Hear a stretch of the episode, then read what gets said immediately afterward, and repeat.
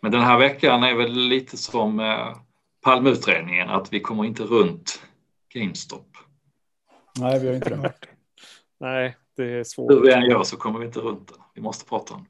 Ja. Och eh, GameStop, eh, jag såg att aktien var upp eh, 100% i förhanden i alla fall. Ja, Mm. precis. Eh, Även eh, AMC är upp mycket. Så att det, det rör på. Men de har väl släppt de här restriktionerna om jag förstått det rätt. Att det, 54% Mm. den upp. det var väl...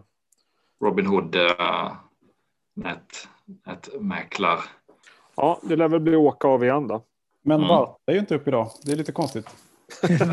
Mel- Melvin Capital har ju fortfarande, om jag ser det rätt, så är det fortfarande drygt 4% av aktierna i Varta som de har eh, kortat.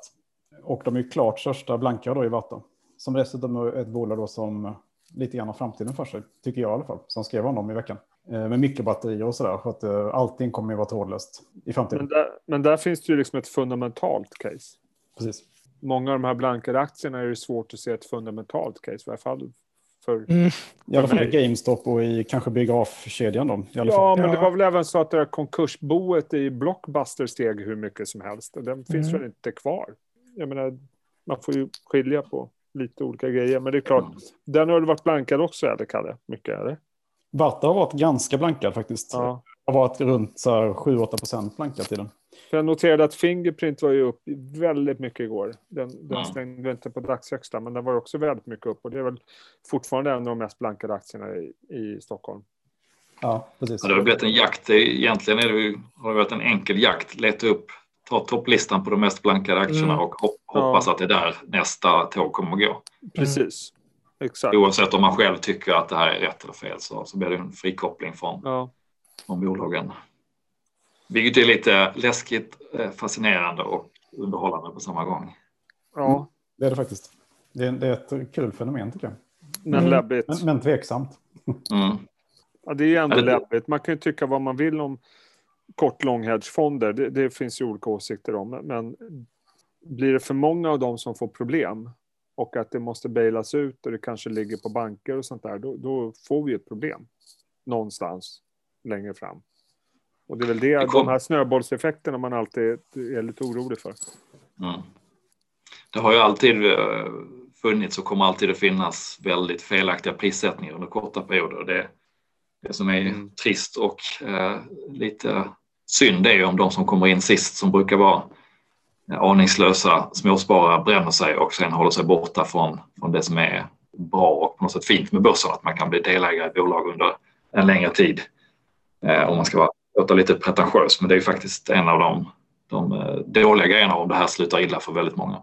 Det är det som är så tråkigt om man kollar på eh, vad, vad folk äger för aktier så att säga. Om man eh, bara på Avanza då så ser man ju liksom att ja, de här GameStop till exempel har ju typ 15 000 aktieägare. Närmare 25 000. Men nej, 25 000 nu, det hade 50 000 i förrgår. Liksom. Mm. Eh, Och medans, eh, ja, till exempel Service Now då, som, som jag tycker är ett väldigt bra bolag, det är eh, världsledande eh, i sin sektor, har ju knappt 2 000 ägare. Och, och det där 25 000, det tror jag är mer än vad Microsoft har. Jag tror att det ligger på runt 20-25 000. Så man, Ja, det är ju lite märkligt. Men är man inte ute efter, det är väl stora vinster? Det stora och det? snabba vinster tror jag. Ja, Stora ja, och men snabba precis. framförallt. Men är, är det inte det typ, det är väl nya, är det inte nya spelare också? Har det inte flockats massor med En ny generation. en ny generation Mm. och nya folk som kanske har bettat mycket innan har hittat hit nu under coronan och eh, folk som har spelat på hästar eller vad sjutton de har spelat på, jag har ingen aning. Vitrysk fotboll liksom. var väl det Ja. enda man kunde spela på ett tag. Men man har väl ett annat risktänk än traditionellt kanske på, Så är det nog. Och kan jag tänka mig också. problemet är ju alltid om det dras med folk som kanske tar för stora risker än vad de klarar av. Men vill man eh, inte ha spekulation? Har det inte varit en tulpan liksom? Jo, det är en tjusning Man- med att ha hög liksom? Det finns väl en romans och en tjusning med det som Ja, ja, absolut. jag alltid har tilltalat i århundraden. Så är det ju. Mm. Det är ju väldigt kul att se sin portfölj stiga med 100% på en dag till exempel. Det är Mm. klart att det är en... eh, Det kan man ju bli beroende av liksom. Ja. Jag, jag har aldrig varit med om det tyvärr, men jag kan föreställa mig att det är fantastiskt. Inte jag heller, men jag kan tänka mig att det är väldigt fantastiskt. Mm. Ja. Eh, ja, jag kommer inte köpa några GameStop närmsta tiden, det tror jag inte. Men jag är nog inte tillräckligt den målgruppen kanske. Nej. Men däremot Varta tror jag att man skulle kunna köpa. Får den där? Ja, alltså om man är långsiktig i alla fall. Den har ju såklart gått rätt, den har gått 30 procent sen jag la ut den analysen i tisdags. Men eh, Det hade du inte riktigt tänkt dig. det hade jag inte riktigt Att det tänkt skulle mig. gå så fort. Nej. Nej. Men jag tror nog att det finns mer potential i den. Ja, det tror jag. Mm. Mm. På riktiga grunder också. Ja, jag blir ju lite orolig när jag ser de här rörelserna. Tycker kul absolut för de som eh, tajmar rätt, men, men det visar ju på något sätt ändå att det är någonting som inte riktigt är hälsosamt i marknaden. Tycker jag. Mm. Nej, när det även träffar då stora bolag som Nokia, som Ja. var ett av bolagen i veckan, då, då blir man ju lite, lite orolig. Har marknaden någonsin varit sund? Nej, inte under min tid. Nej, men det finns, ju, det finns ju olika perioder. Nu är det ändå en period som det kom in väldigt många nya aktörer som handlar i aktier. Eh, Det är väl en stor skillnad och eh, som kanske ser på aktier på ett annat sätt. Eh, Man tar mycket spekulation, hoppas på snabba vinster, men många av de här aktierna kan du också ta, torska allt på Mm. väldigt Mm. kort tid. Så att det är väl den som jag känner är, är lite läbbig. Att man liksom inte ser riktigt, alltså det har på något sätt blivit jag menar, det var ju som när börsen var ner häromdagen med ett par procent i New York. Det liksom, man ser ju direkt kommentarer bara, "Ah, fan vilken jävla hemsk dag för min depå. Jag menar, alltså börsen kan gå ner.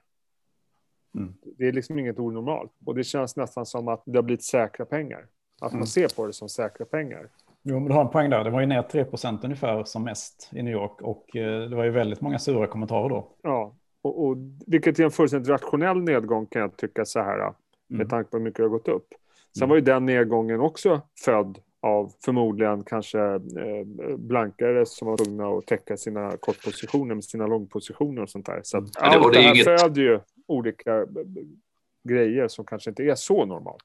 Ja, och det här med så kallad short squeeze som det handlar om, det är egentligen i sig inte något nytt utan Nej. jag vet inte om ni kommer ihåg, när Volkswagen är väl ett av de klassiska exemplen Mm. under 2008. 2008 när Mm. ja, precis, Porsche, Porsche som ju var delägare och gick över någon gräns, jag kommer inte ihåg vilken, vilket gjorde att man blev rädd för att det skulle utlösa budplikt. Mm. Och då gick Volkswagen som ju var i, i delvis utdömda då, liksom, från att vara ganska små till att vara världens högst värderade bolag under några timmar. Porsche hade nästan, köpt, nästan köpt alla aktier liksom, som fanns. I Ja, de hade köpt de röststarka aktierna som jag Ja. minns det. Och sen äger väl eh, en av delstaterna, Niedersachsen, 20 procent. Ja. 20 procent. Ja. Mm. Och, då, och så att man då som blankare så, så var man ju rädd att här, är, här måste man bara köpa tillbaka och täcka. Så aktien skenade iväg. The mother of all squeezes. Det. Mm. Så det är inget nytt fenomen. Det nya är väl egentligen att, att det är en armé av privatpersoner som, som har hittat ett nytt eh, forum att, eh, att snabbt kunna leta upp nya bolag som skulle kunna bli Mm. klämda och eh, springa i flock efter dem. För det intressanta med Volkswagen också, om bara går tillbaka kort till det, det var ju just att i finanskrisen så var det ju egentligen en solklar blankning också. Alltså det var ju så här, det var ju en no-brainer att blanka Volkswagen just i det läget egentligen. Mm. För att det är Mm. klart att bilförsäljningen skulle gå ner kraftigt just då, liksom, under kommande halvåret. Liksom. Mm. Så att det var ju väldigt många som gick i den fällan också, just då, som sen var tvungna att köpa tillbaka också. Ja, det blir otroligt starka krafter när det Mm. går på andra hållet. Och det är väl egentligen tre olika aktörer. Dels är det den här armén av småsparare, privatsparare som köper aktien. Och sen är det ju eh, de som har köpt köpoptioner, vilket Mm. tvingar den som har ut köpoptionerna att köpa Mm. aktien för att, för att neutralisera sin position eller dra iväg. Mm. Eh, och eh, till slut då hedgefonderna som har blankat som, som måste köpa tillbaka aktierna för att kunna, Mm. kunna stänga sina positioner innan de blir för dyra. Så att det blir ju en, eh, en dominoeffekt eller en perfekt storm eller vad man vill, vill kalla det. När, Nej, men jag, skulle, jag skulle säga det som blir väldigt intressant att reda ut i efterhand här det är väl hur, hur och om fler aktier kunde vara eh, blankade än vad som, som var ute i free float. För det är väl det, det, är väl det de som var tidiga på det har identifierat att Mm. att eh, det går inte ens att köpa tillbaka alla aktier eftersom fler är blankade än vad som, som Mm. ligger ute. Men då, skulle bli då en- så, jag menar, Melvin Capital fick ta in, vad var det, 3 miljarder dollar för att eh, hjälpa till med sin finansiering. För de blev så squeezade på GameStop. Och det är klart att det skapar ju vågor som, är svåra att förutse. Men hade jag suttit long short-firm, då hade jag ju gått igenom mina blankningspositioner och tänkt okej, vilken angriper de nästa gång? Och, och förmodligen dra ner på mina blankningspositioner. Alternativt kan du göra så att du ser vilka aktier de är inne i och så börjar du blanka dem när de har, du ser att det Mm. galet ut. Ja, frågan är om man vågar. Men, men det, sen kan man tycka vad man vill om blankarna. Men det, det är liksom om, en firma som sitter på GameStop behöver 3 miljarder dollar för att, för att liksom klara sin finansiering. Ja, någon måste ju betala det här i slutändan. Mm. Vem är det som sitter på de här? Som är långivare till de här firmorna? Eller vad det nu är för någonting. Det, det, Var inte Det- City, City Group? Det är väl banker, är det inte Ja, det? Ja, ja, men problemet är att min erfarenhet av marknaden det är ju liksom Ja. att marknaden är sjukt dålig på att förutse snöbollseffekterna av saker Mm. som händer. Det var ju supertydligt med subprime. Jag menar, jag träffade, då satt jag som förvaltare och jag träffade liksom eh, aktiestrateger, ska inte nämna några namn, som sa att nej men det här är bara ett ränteproblem, det här kommer aldrig påverka aktiemarknaden. Alltså man såg inte de här effekterna, vad som händer när en firma får problem. Och då får en firma till. Alltså det blir, de är otroligt svårt att förutse, de här långsamma. Och det är det jag tycker man ska ha respekt för. Oavsett så länge man kan, så länge man kan, så länge man kan bedöma risken så kan man sätta ett pris på någonting. Men när, när risken plötsligt är, är bortom eh, vad man kan och har sett Ja. tidigare så, så blir det väldigt svårt. Så att hela affärsmodellen för de som, som är blanka firmor måste kanske revideras om, om även ett litet blankningsinnehav kan innebära en enorm risk för stor förlust. Mm. Jag, jag tyckte det var superintressant med din intervju Jesper med Sean George, vilket jag inte hade tänkt på att även de långa positionerna, alltså där man inte har spekulerat i nedgång, måste man stänga för att eh, finansiera man se. Och det var förmodligen det som drog ner börsen i, vad var det, tisdags eller någonting. Det var ju hans eh, teori. Att det var Mm. det som fick börsen på fall. För att det var, vi såg till exempel att Apple kom med en superstark rapport och den handlades ner ganska mycket i efterhanden och så vidare. Så, så att det kan ju vara så att man, man använder det. Och det är klart att då har vi den här snöbollseffekten. Om det här fortsätter liksom i några månader, att man kommer att angripa varenda blankningsposition, då kommer vi se mer av den här volat, vo- ökad volatilitet. Liksom. Mm. Då, blir är det många, då blir det mer köplägen också för de som är långsiktiga. Liksom. Ja, så kan det vara. Rapporter, hörni. Rapporter. Det är ju det mest... Det här är ju liksom vår höjdpunkt på Mm. året. Inte minst Q4. -orna. Det är det roligaste som smörgåsbordet, smörgåsbordet är framdukat. Det är ju roligaste som finns. Jag får lite känslan av att eh, rapporterna är helt okej. men överraskningspotentialen som vi såg i Q2 och Q3 är lite borta. Att det krävs mycket mer av bolagen. Det är min känsla. Att kommer du inte in med en rapport som är riktigt bra, då blir du straffad. Jag kände i Q3 och Q2, mitt i pandemins stormen där i början, så var det på något sätt att då var förväntningarna så sjukt låga. Att det var ganska lätt att slå det. Nu, nu liksom vill man se bevis på att man faktiskt börjar hända grejer med, med, eh, med siffrorna, efterfrågan och utdelningar och så vidare. Och, Mm. och lever du inte upp till det, så, och, och inte minst om du har ett högt värdering tidigare. Vi såg Beijer Ref häromdagen, liksom, sänktes ganska dramatiskt. Vi såg H&M idag Mm. som- kom med en Mm. hyggligt stabil rapport, men man kom väl med någon eh, vad ska man säga, mjuk vinstvarning för kommande kvartal om jag tolkar det rätt lite grann försiktigt sådär. på deras konf-call med ett öre i alla fall. Och, eh, precis, så de fick en direkt fråga om kommer ni gå med vinst under första kvartalet? Just det. Och det svarade de väl egentligen inte på utan påpekade mer att hittills under kvartalet är försäljningen ner med 23 procent det. och det är fortfarande väldigt många stängda butiker eh, till följd av andra vågen i pandemin. Eh, Mm. Punkt, punkt, punkt. Dra era egna slutsatser, vilket marknaden då tolkade som att eh, Och, och, och vad min, jag tror liksom, det hade de kommit undan med i Q2 och Q3. För att det, ändå, Mm. ja, det är ändå en pandemi, det är klart. Det skulle jag beskriva som en lite mer normal marknad då egentligen. Att vi har kommit tillbaka Ja. till en mer normal marknad. Precis. På det sättet. Och, och då kanske det är stopp för liksom att allt ska bara gå norrut. mm, Det är väl så jag tänker lite grann. Sen var det ju en, en annan sak apropå rapporterna. Det var väl efter eh, Epiroc och Sandvik och de här. Alltså det är väldigt, jag tror vi såg det i Atlas också idag, att det var väldigt bra, det är väldigt bra marginaler. Mm. Eh, även om efterfrågan fortfarande är lite hämmad så gör man väldigt bra resultat. Men, men där var det Anders Roslund på Pareto som poängterade igen, jag tror vi har pratat om det förut också, att är det här uthålliga marginaler? För det är ju verkligen så att inga tjänsteresor, inga konferenser, inga mässor. Det är ju knappt som man behöver beställa grejer till kontoret i automaterna längre. Alltså Mm. kostnaderna har ju fallit ganska dramatiskt mm.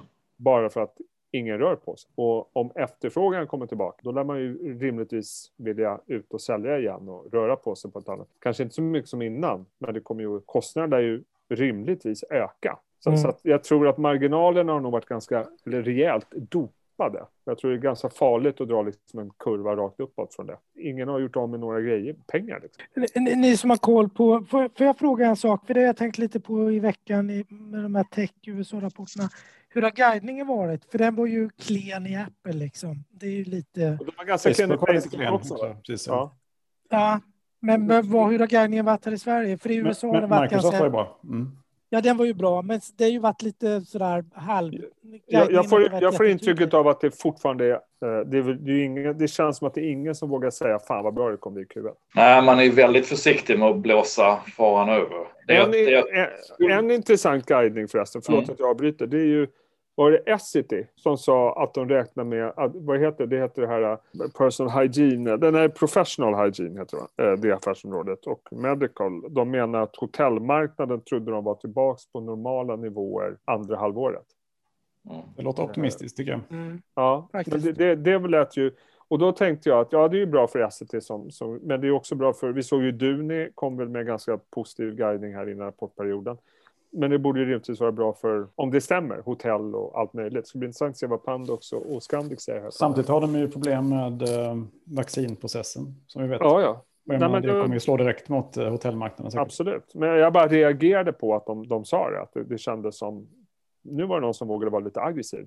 Det är möjligt att man har ändå blåst faran över lite tidigt. Inte faran, men hur länge det håller i sig att man får skjuta på öppningarna. För det är, vi är ändå inne snart i februari och det kommer ju mer signaler om att länder vill hålla stängt nu tills vaccinet biter än att man Mm. lättar på det tidigare man hade sagt. Det är den Alltså, nya, nya smittan Q1, framförallt.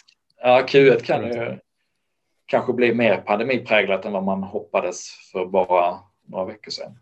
Tyskland drar ju ner tillväxtprognosen också här från eh, 4,5 till 3 procent faktiskt i veckan. Mm. Så att eh, de ser ju definitivt att det, det går trögare än vad man trodde. Frågan är hur länge marknad, hur långt tålamod marknaden har. Med tanke på att alla verkar tro att allting är... Ja, men då har ju fortfarande Tina liksom. Ja, Eller bara, Eller Sara liksom. eller så.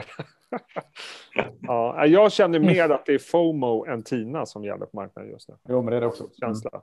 Jag, jag tycker det börjar snackas mer och mer om att man ska börja med tapering. Man ska, alltså det, nu har räntan gått ner lite grann, men jag tycker ändå människor börjar diskutera det mer. Vi kanske har nått en botten vad gäller räntan. Men innan vi släpper utsikten där, jag skulle säga att det är ganska tudelat. De bolagen som H&M och, och, och andra som är direkt påverkade av nedstängningar, där kanske man får skjuta lite på, på eh, Mm. att, att det släpper på. Medan industrin, som man var väldigt orolig för i förra våren, eh, där verkar det tvärtom vara så att speciellt fordonsmarknaden, att Mm, verkligen. det ångar på och alla, eh, de, de jag har sett i alla fall, pekar på att det ser riktigt bra ut i Q1 och framåt och att eh, Ja, Gränges pratar om tvåsiffrigt.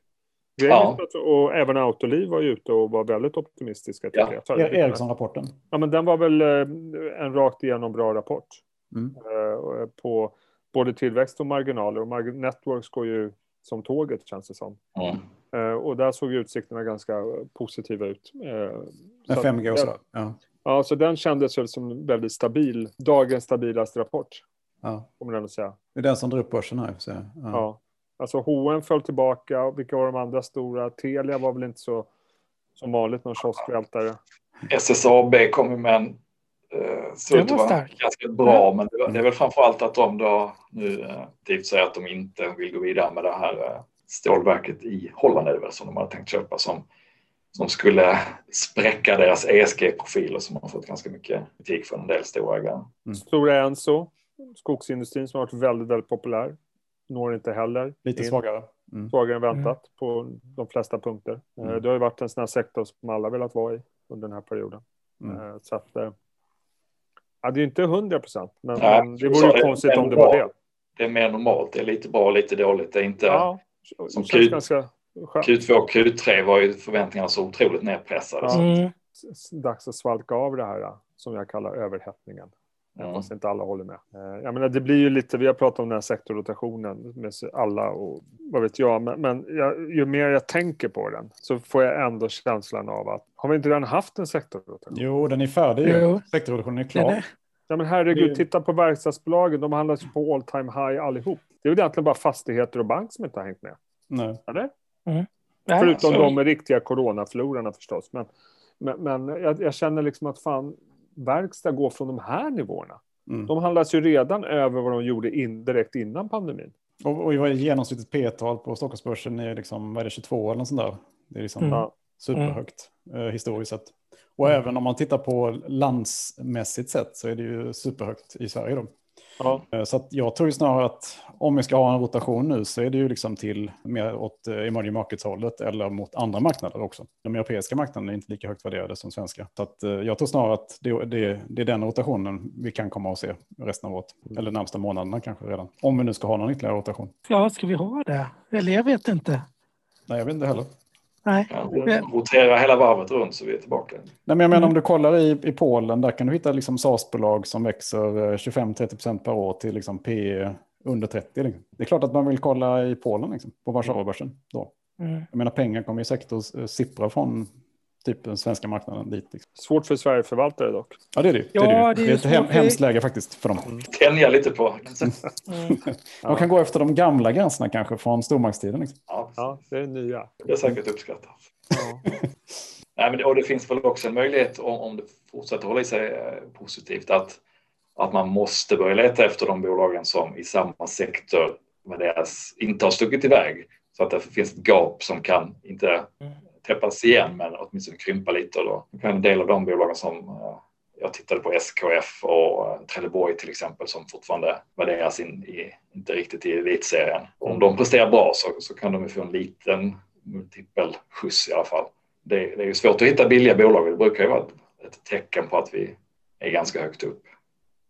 Ja. En, en liten kalldusch, en lagom kall kalldusch skulle kanske... En lagom kall kalldusch hade varit ganska... tror jag många hade nästan välkomnat idag. Inte minst bland förvaltarna tror jag. Mm. Jag tror de, eh, jag pratade med Jon Hylkner på Enter häromdagen. Han sa ju det är ju svårt. Det är jättesvårt att hitta liksom, bra värderade bolag. Intressant värderade, lågt värderade bolag, aktier. Det är ju inte lätt. Då får man ju, som han sa, man får ju tänja lite på de gränserna. Då får man hitta bolag. Alltså, aktier har en låg värdering av en anledning. Mm. Eh, högt värderade aktier har hög värdering av en an- annan anledning. Och då måste han säga, jag måste hitta de som är lågt värderade av en anledning och så måste jag liksom dissekera den anledningen. Och se, kan den anledningen liksom förbättras i närtid? Mm. Kan man förbättra någonting? Mm. Och det är där han letar bolag nu. Men det är inte många. Och vad är Han det för gått sektor in han tittar på? Det är lite blandat. Han har eh, köpt eh, BTS Group och eh, vad heter det, Avencia. Va? Alltså en del sådana här konsulter som har Mm. haft det svårt för att de historiskt har jobbat väldigt nära sina kunder som har liksom påverkats negativt av corona.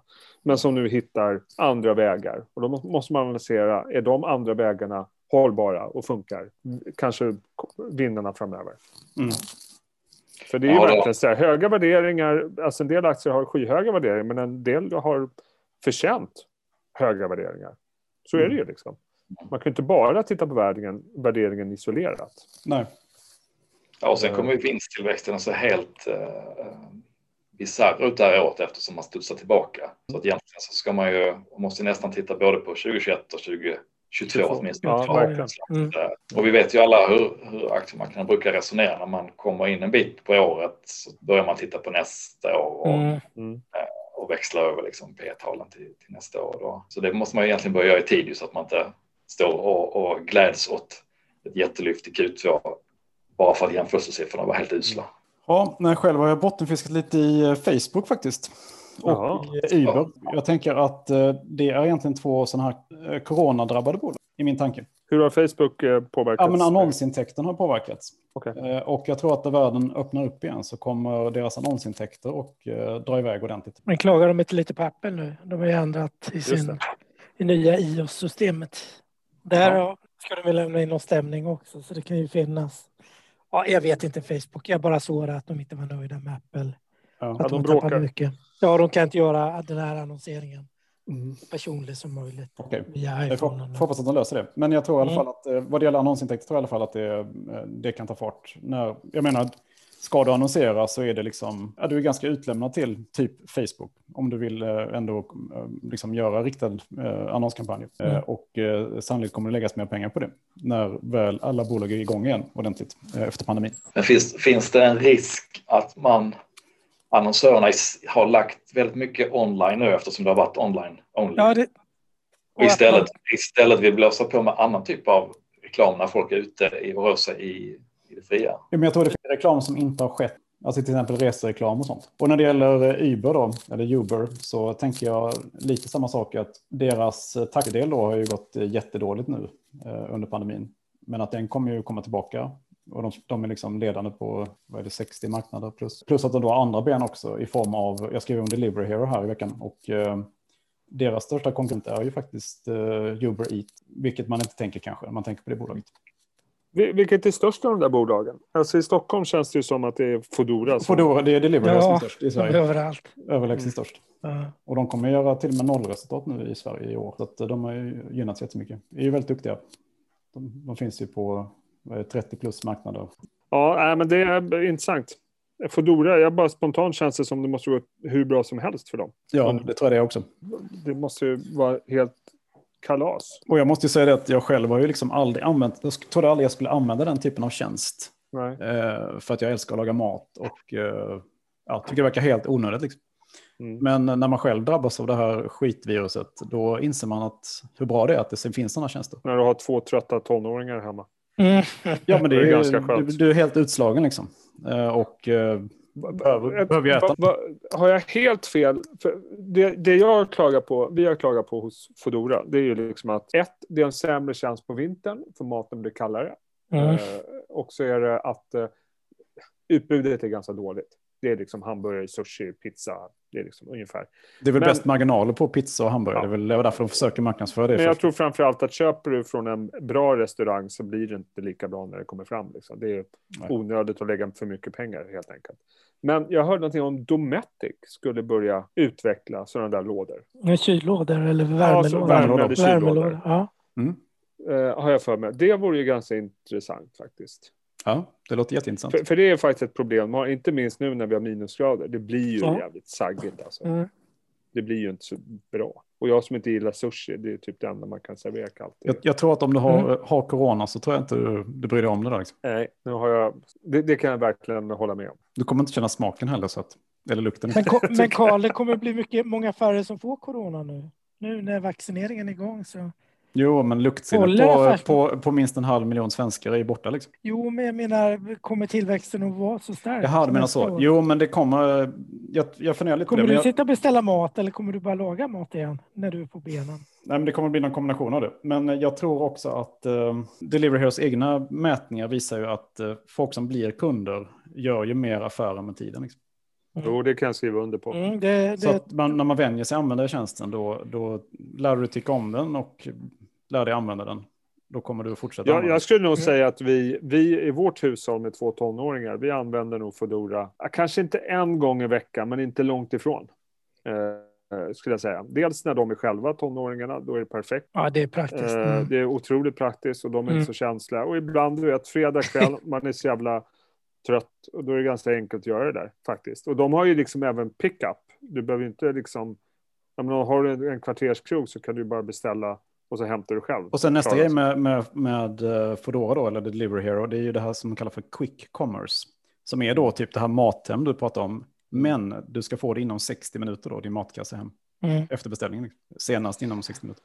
Och det där är en annan intressant diskussion. Det är liksom kravställningen har ju ökat nu på, på det här med delivery. Jag har använt Amazon Sverige. Det var det sämsta skiten jag någonsin varit med om. Alltså det, jag tror vår kravbild kommer ju öka. Så det gäller ju verkligen att hitta de bolagen som har tjänster som verkligen levererar på ett bra sätt, oavsett vad det är. Och, och sen att göra det med lönsamhet är en helt annan grej om man ja. kan skicka mm. ut eh, tabletter som inte är kylvara eller om man ska skicka ut matkassar. Då det, både ICA och Axfood har ju länge, länge, länge kämpat med hur de ska få lönsamhet i, mm. i det där eftersom den här kylkedjan är så otroligt viktig. Och bygger sina dark stores som de vill kalla det. Där de plock, stora plocklager att mm. effektivisera upp. Så det, det, är ju det är en superutmaning att få lönsamhet i. Ja, det, är inga, det blir ju inga stora marginaler på det där.